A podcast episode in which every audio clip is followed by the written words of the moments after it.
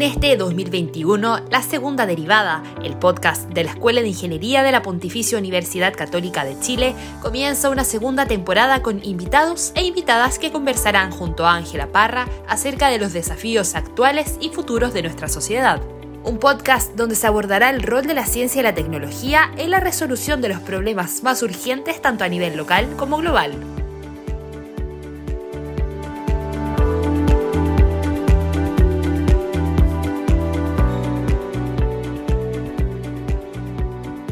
Ante la inminente llegada del cambio climático y las problemáticas socioambientales que conlleva, distintas industrias han decidido tomar el desafío de producir productos cada vez más sustentables.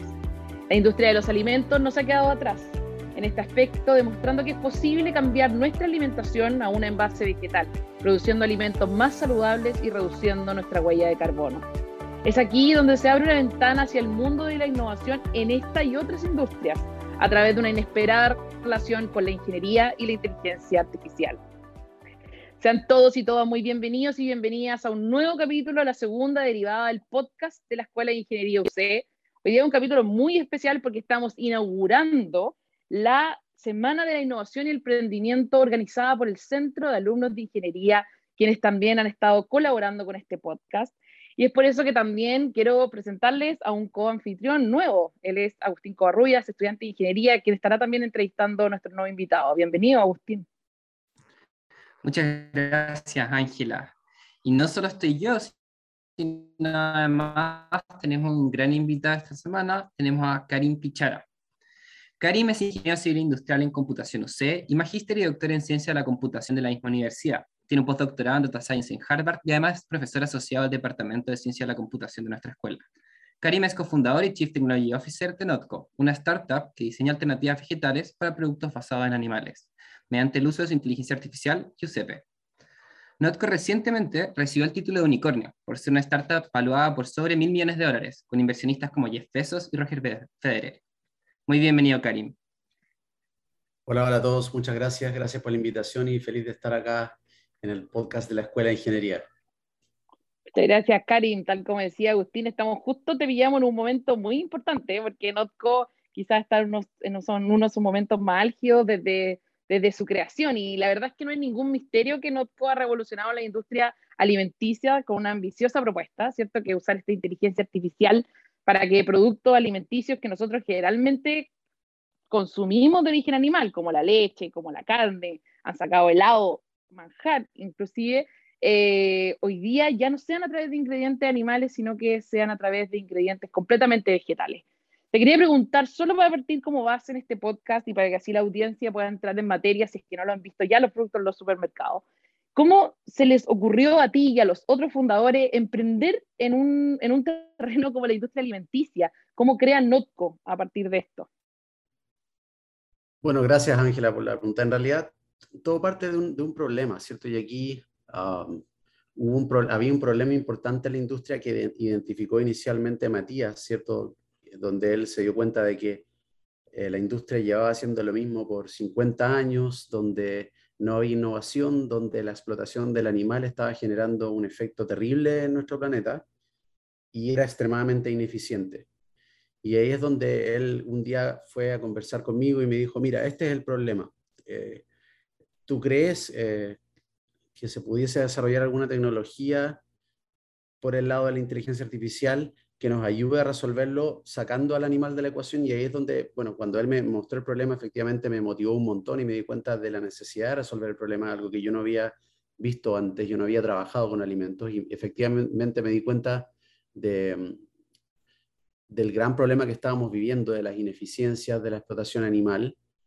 Y por ahí el poder replicar los mismos alimentos solo usando plantas era, era un desafío enorme, pero que si lo llegábamos a lograr, el impacto era sin límites. Entonces, desde esa, desde esa conversación es que nunca ahí me bajé el carro y empezamos a trabajar juntos em, en una primera solución de la tecnología y después eh, nunca paramos en el fondo. Ahí empezamos a, trabajar en el primer prototipo que fue en ese tiempo la Node Mayo y rápidamente a, crecer, seguir desarrollando más la tecnología, la ciencia, pensando en los nuevos productos, hasta el día de hoy, digamos, nunca más paramos de trabajar.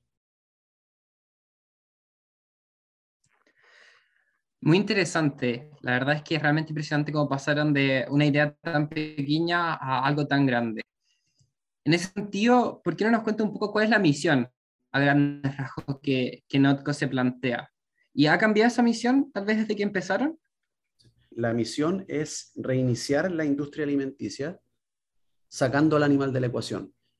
El tema es que no es fácil sacar al animal de la ecuación porque los ingredientes provenientes de animales son típicamente los que resultan en productos más ricos o más atractivos para las personas. Entonces, la gente no va a dejar de consumir lo que les gusta solo por el hecho de salvar al planeta. En la práctica eso ocurriría. Entonces, lo que nosotros dijimos fue, tenemos que hacer que la industria cambie, donde nosotros vamos a proponer productos que cambien el juego, demostrarle a la industria que sí se pueden hacer productos ricos y, eh, atractivos para las personas sin, el animal, y eso va a generar un movimiento, en el fondo, un movimiento donde todos se van a empezar a sumar. Y además vamos a desarrollar una tecnología que apoya al resto de la industria a cambiar. Y eso es lo que hemos estado haciendo hasta ahora y la, misión sigue siendo la misma. Y a nosotros nos da gusto ver, por ejemplo, cuando todas las otras compañías, las compañías que llevaban durmiendo años y años sin, sin hacer nada distinto, empezaron a reformularse gracias a la aparición de Notco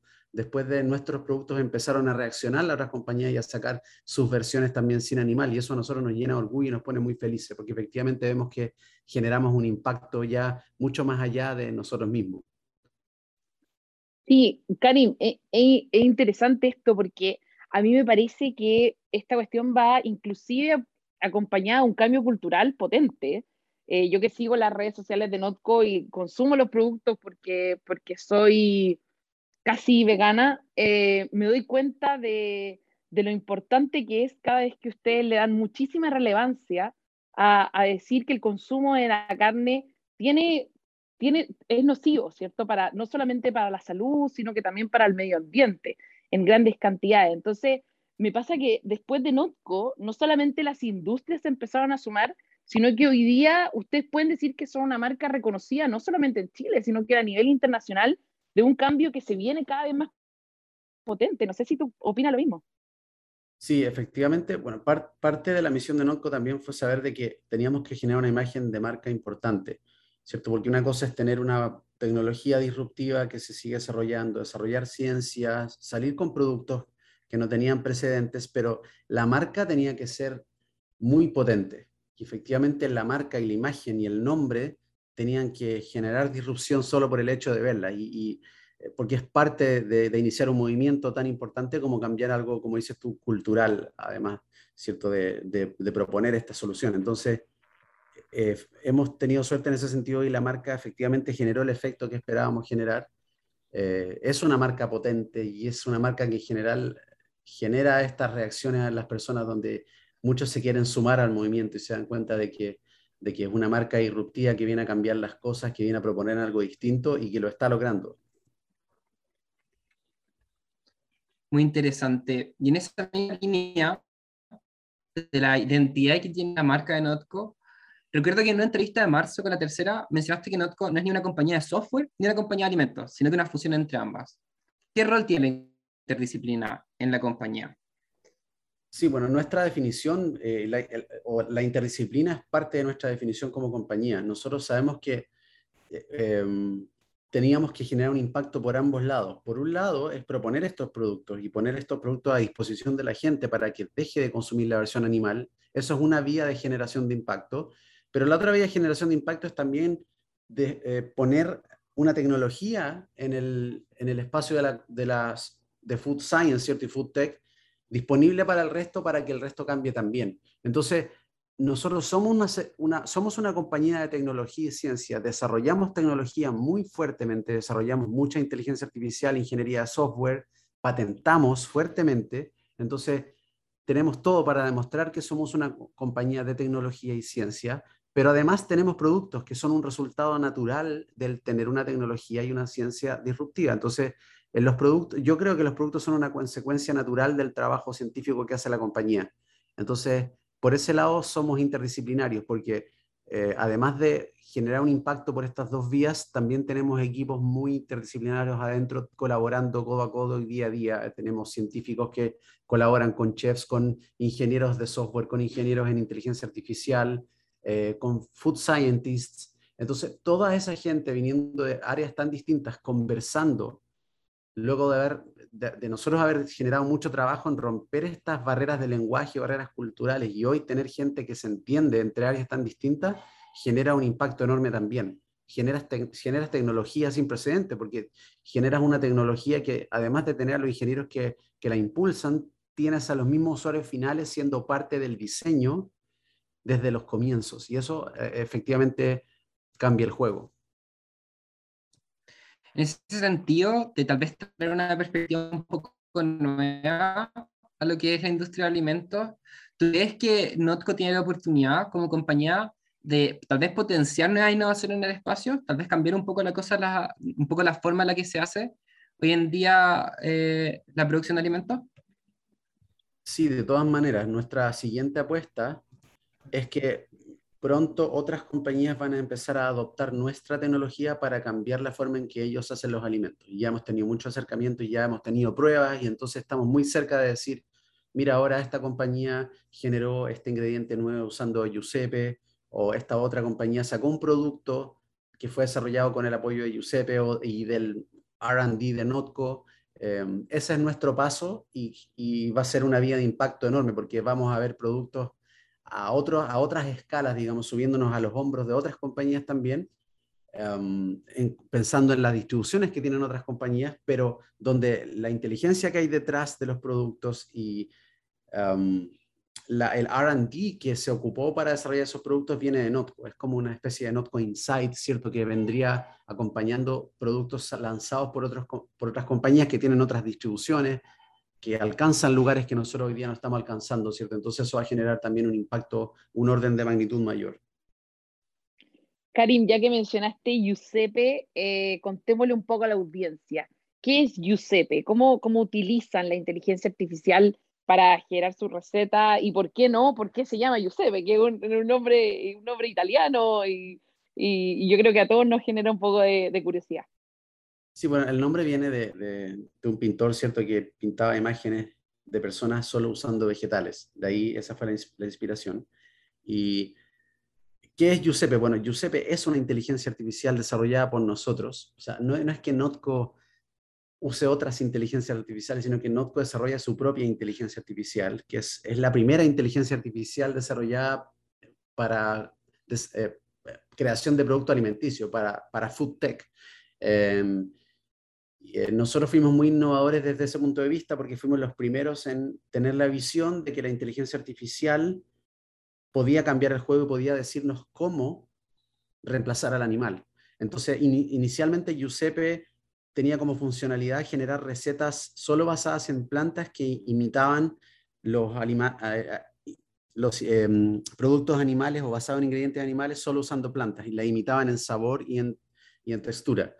Em, y rápidamente eso fue creciendo. Entonces Giuseppe pasó de ser un algoritmo que genera recetas plant-based a ser todo un sistema de inteligencia artificial que apoya al desarrollo de productos plant-based desde la generación del prototipo hasta la escalabilidad. Entonces, inicialmente hay, módulos de Giuseppe que te ayudan, que te generan las recetas, ¿cierto? Después hay módulos de Giuseppe que te ayudan a resolver problemas propios de la escalabilidad de un producto o de cómo hacerlo real una vez que tienes el prototipo en cocina, que es cómo resolver problemas de textura que tienen que ver con la producción en, líneas industriales, cómo resolver problemas de color, de sabor, em, eh, reemplazos de ingredientes, adaptabilidad de, un producto a distintas localidades. Es un sinfín de problemas que aparecen cuando tú tienes que transformar un prototipo de cocina a un producto final. Giuseppe es, es una tecnología que apoya en, en todas esas, estas etapas a los ingenieros en alimentos. Eh, ¿Qué significa que los apoya? Eh, por, dos lados. Uno, los ayuda a resolver problemas que hay veces que ellos no pueden resolver, como rebalancear ciertos ingredientes o encontrar un reemplazo. Estoy hablando ya una vez que la receta fue creada por Giuseppe. Supongamos que Giuseppe te dio, da los ingredientes, te da los pasos para generar la receta los chefs cocinan la receta y después esa receta tiene que hacerse un producto industrial. Entonces ahí viene el equipo de ingenieros en alimentos, el equipo de RD y Food Science que transforma ese prototipo buscando reemplazos de algunos ingredientes para encontrar la mejor versión industrial del ingrediente, mejoras de textura para ponerlo a punto, a punta en, en las líneas de producción a escala. Todo eso requiere resolver muchos problemas. Entonces ahí es donde Giuseppe ayuda a reducir exponencialmente la cantidad de iteraciones que tienen que seguir los ingenieros para hacer el producto realidad. Y por eso es que tú ves que Notco lanza muchos productos, a diferencia de otras compañías eh, plant-based, ¿cierto? Que típicamente son como monoproducto o monocategoría, por ejemplo, una compañía solo dedicada a categorías lácteas, otra solo dedicada a categorías cárnicas. Hasta donde nosotros sabemos somos los únicos en el mundo capaces de lanzar leche, hamburguesa, helado, mayonesa, eh, carne molida y cosas de distintas categorías y eso es un resultado de tener una tecnología única. Muy interesante. Y significa que entonces nosotros no construir una inteligencia artificial en particular, sino que toda una infraestructura alrededor de la creación de estos nuevos alimentos y, cómo se puede apoyar su escalabilidad a futuro. En ese sentido, ¿cuál crees que es el futuro de Giuseppe? A ver, hoy día eh, Giuseppe es un sistema grande con muchos módulos y además Giuseppe está envisionado como una herramienta de asistencia al humano. O sea, en vez de impulsar a un Giuseppe que resuelve los problemas y, y lo hace sin las personas y, quita puestos de trabajo, por decirlo así, no es así. Giuseppe es una tecnología envisionada como una Em, solución que asiste al humano en las distintas etapas y trabaja en conjunto con el humano y aprende del humano y también genera conocimiento nuevo para el humano y se reentrena todos los días. Esa es la visión de, de Giuseppe. Y las extensiones de Giuseppe van en las líneas de generar nuevos descubrimientos en el espacio de los alimentos, descubrimientos científicos. Hoy día, Giuseppe, estamos desarrollando nuevos módulos que interactúan con el equipo de Discovery Biology que se encarga de de analizar ya a nivel más eh, molecular los alimentos, encontrando quizás nuevas propiedades sensoriales. Em, desarrollamos módulos nuevos de Giuseppe ahora que asisten a esas etapas, o sea, las etapas de descubrimiento científico de más mediano y largo plazo. Y también Giuseppe se envisiona en seguir avanzando en las etapas de escalabilidad de producto.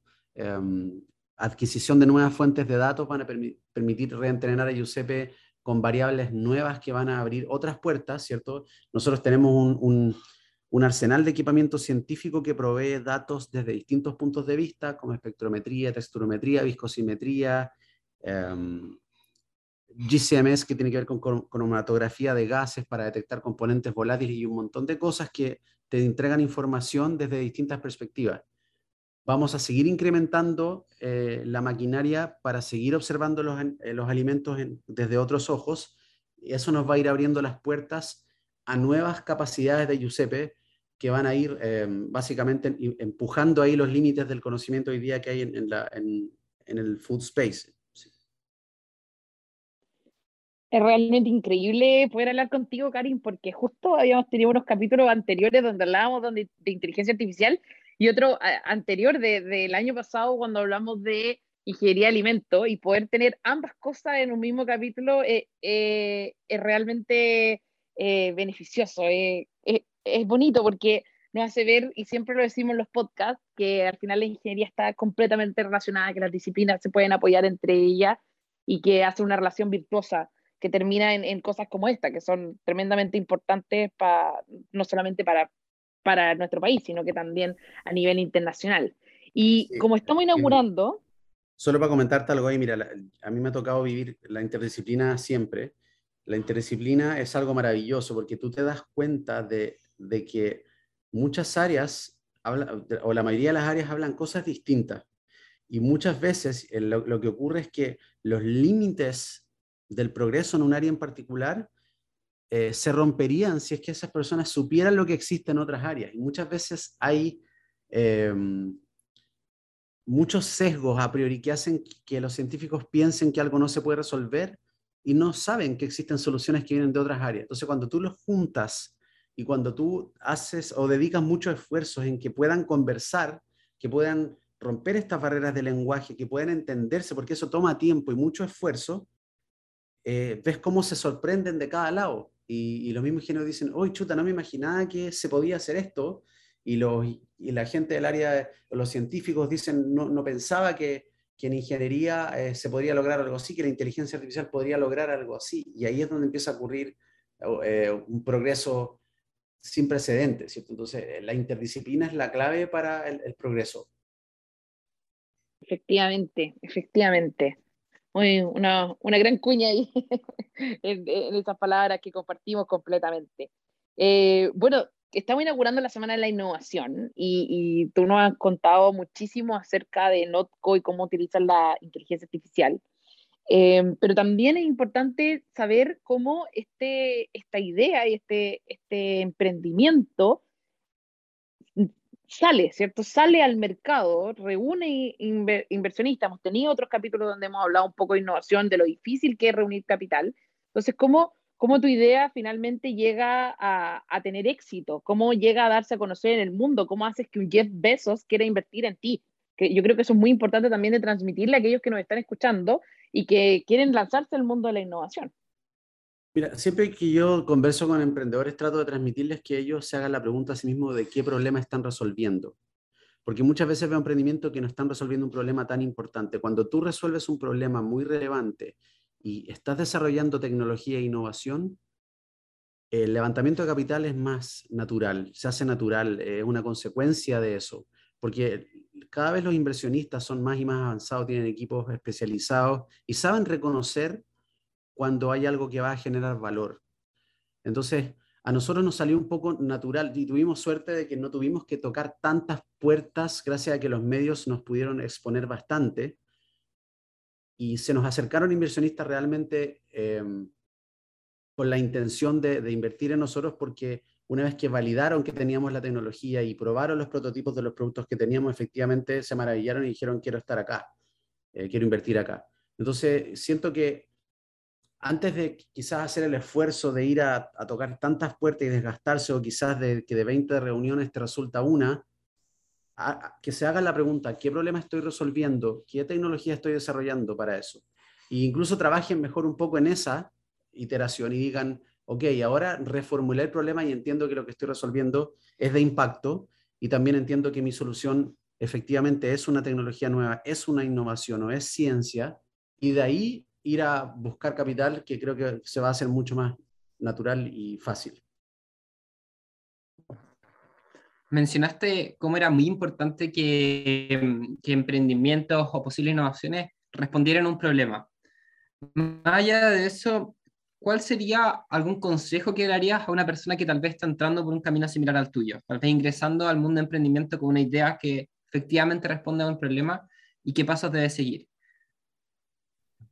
Mira, en general no hay una receta genérica que funcione para todos los emprendimientos. Y yo siempre les digo, mira, yo te voy a decir un montón de cosas que, que según yo están ok y que tienen que ver con mi experiencia y que a mí me funcionaron. No significa que te van a funcionar a ti también y no significa que tú tienes que seguirlas.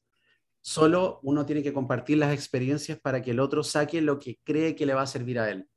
Eh, cada historia es distinta y siento que cada historia va a tener caminos diferentes y también soluciones que funcionaron diferentes. Entonces, no existe una receta y tampoco existe un consejo que yo les daría.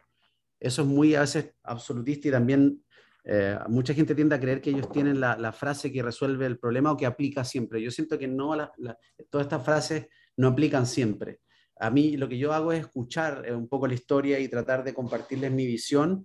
Y cuando de repente hay ciertas situaciones que veo que, son, que se repiten o cosas que nosotros vivimos y donde nosotros a lo mejor nos equivocamos, yo les digo, mira, no hagas esto o ten en cuenta esta situación que te puede afectar después para que ellos vayan tomando mejores decisiones. Entonces, sorry, yo sé que no respondo la pregunta y sé que tampoco estoy viniendo con esta receta y es porque no la tengo. Eh, y, es porque no, no, siento que exista una frase em, que pueda aplicar siempre. Lo que trato de hacer ahí es escuchar, escuchar y, compartir mi experiencia nomás. De todas maneras, Karim, ha sido una conversación muy interesante. Eh, llevamos ya más de, de 20 minutos, casi 25 minutos y, y, el tiempo nos apremia, pero, pero creo que, que ha sido, como decía antes, eh, muy bueno tenerte justamente para poder escuchar esto, para poder darle un impulso también a la innovación, al emprendimiento tecnológico, que es difícil de ver y de encontrar, pero que nuestra escuela ha impulsado bastante y también para poder entender eh, lo mucho que puede impactar en las vidas de las personas la ingeniería en colaboración con otras disciplinas. Yo creo que eso ha sido realmente fantástico. Eh, solo agradecerte de haber estado con, junto a Agustín y junto a mí en este nuevo capítulo del podcast de la segunda derivada y decirle a la gente que se quede muy atenta porque vamos a tener otros capítulos también para eh, darle inicio a esta semana de innovación. Muchas gracias, Karin Pichara, por estar hoy día con nosotros. Muchas gracias a ti, Ángela, a todo el equipo. Gracias por la invitación.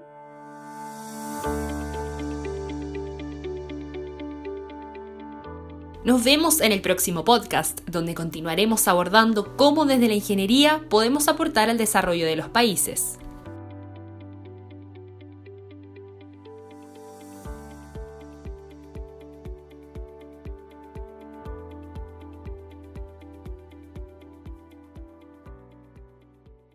Las opiniones vertidas en este podcast son de exclusiva responsabilidad de quienes las emiten y no de este canal.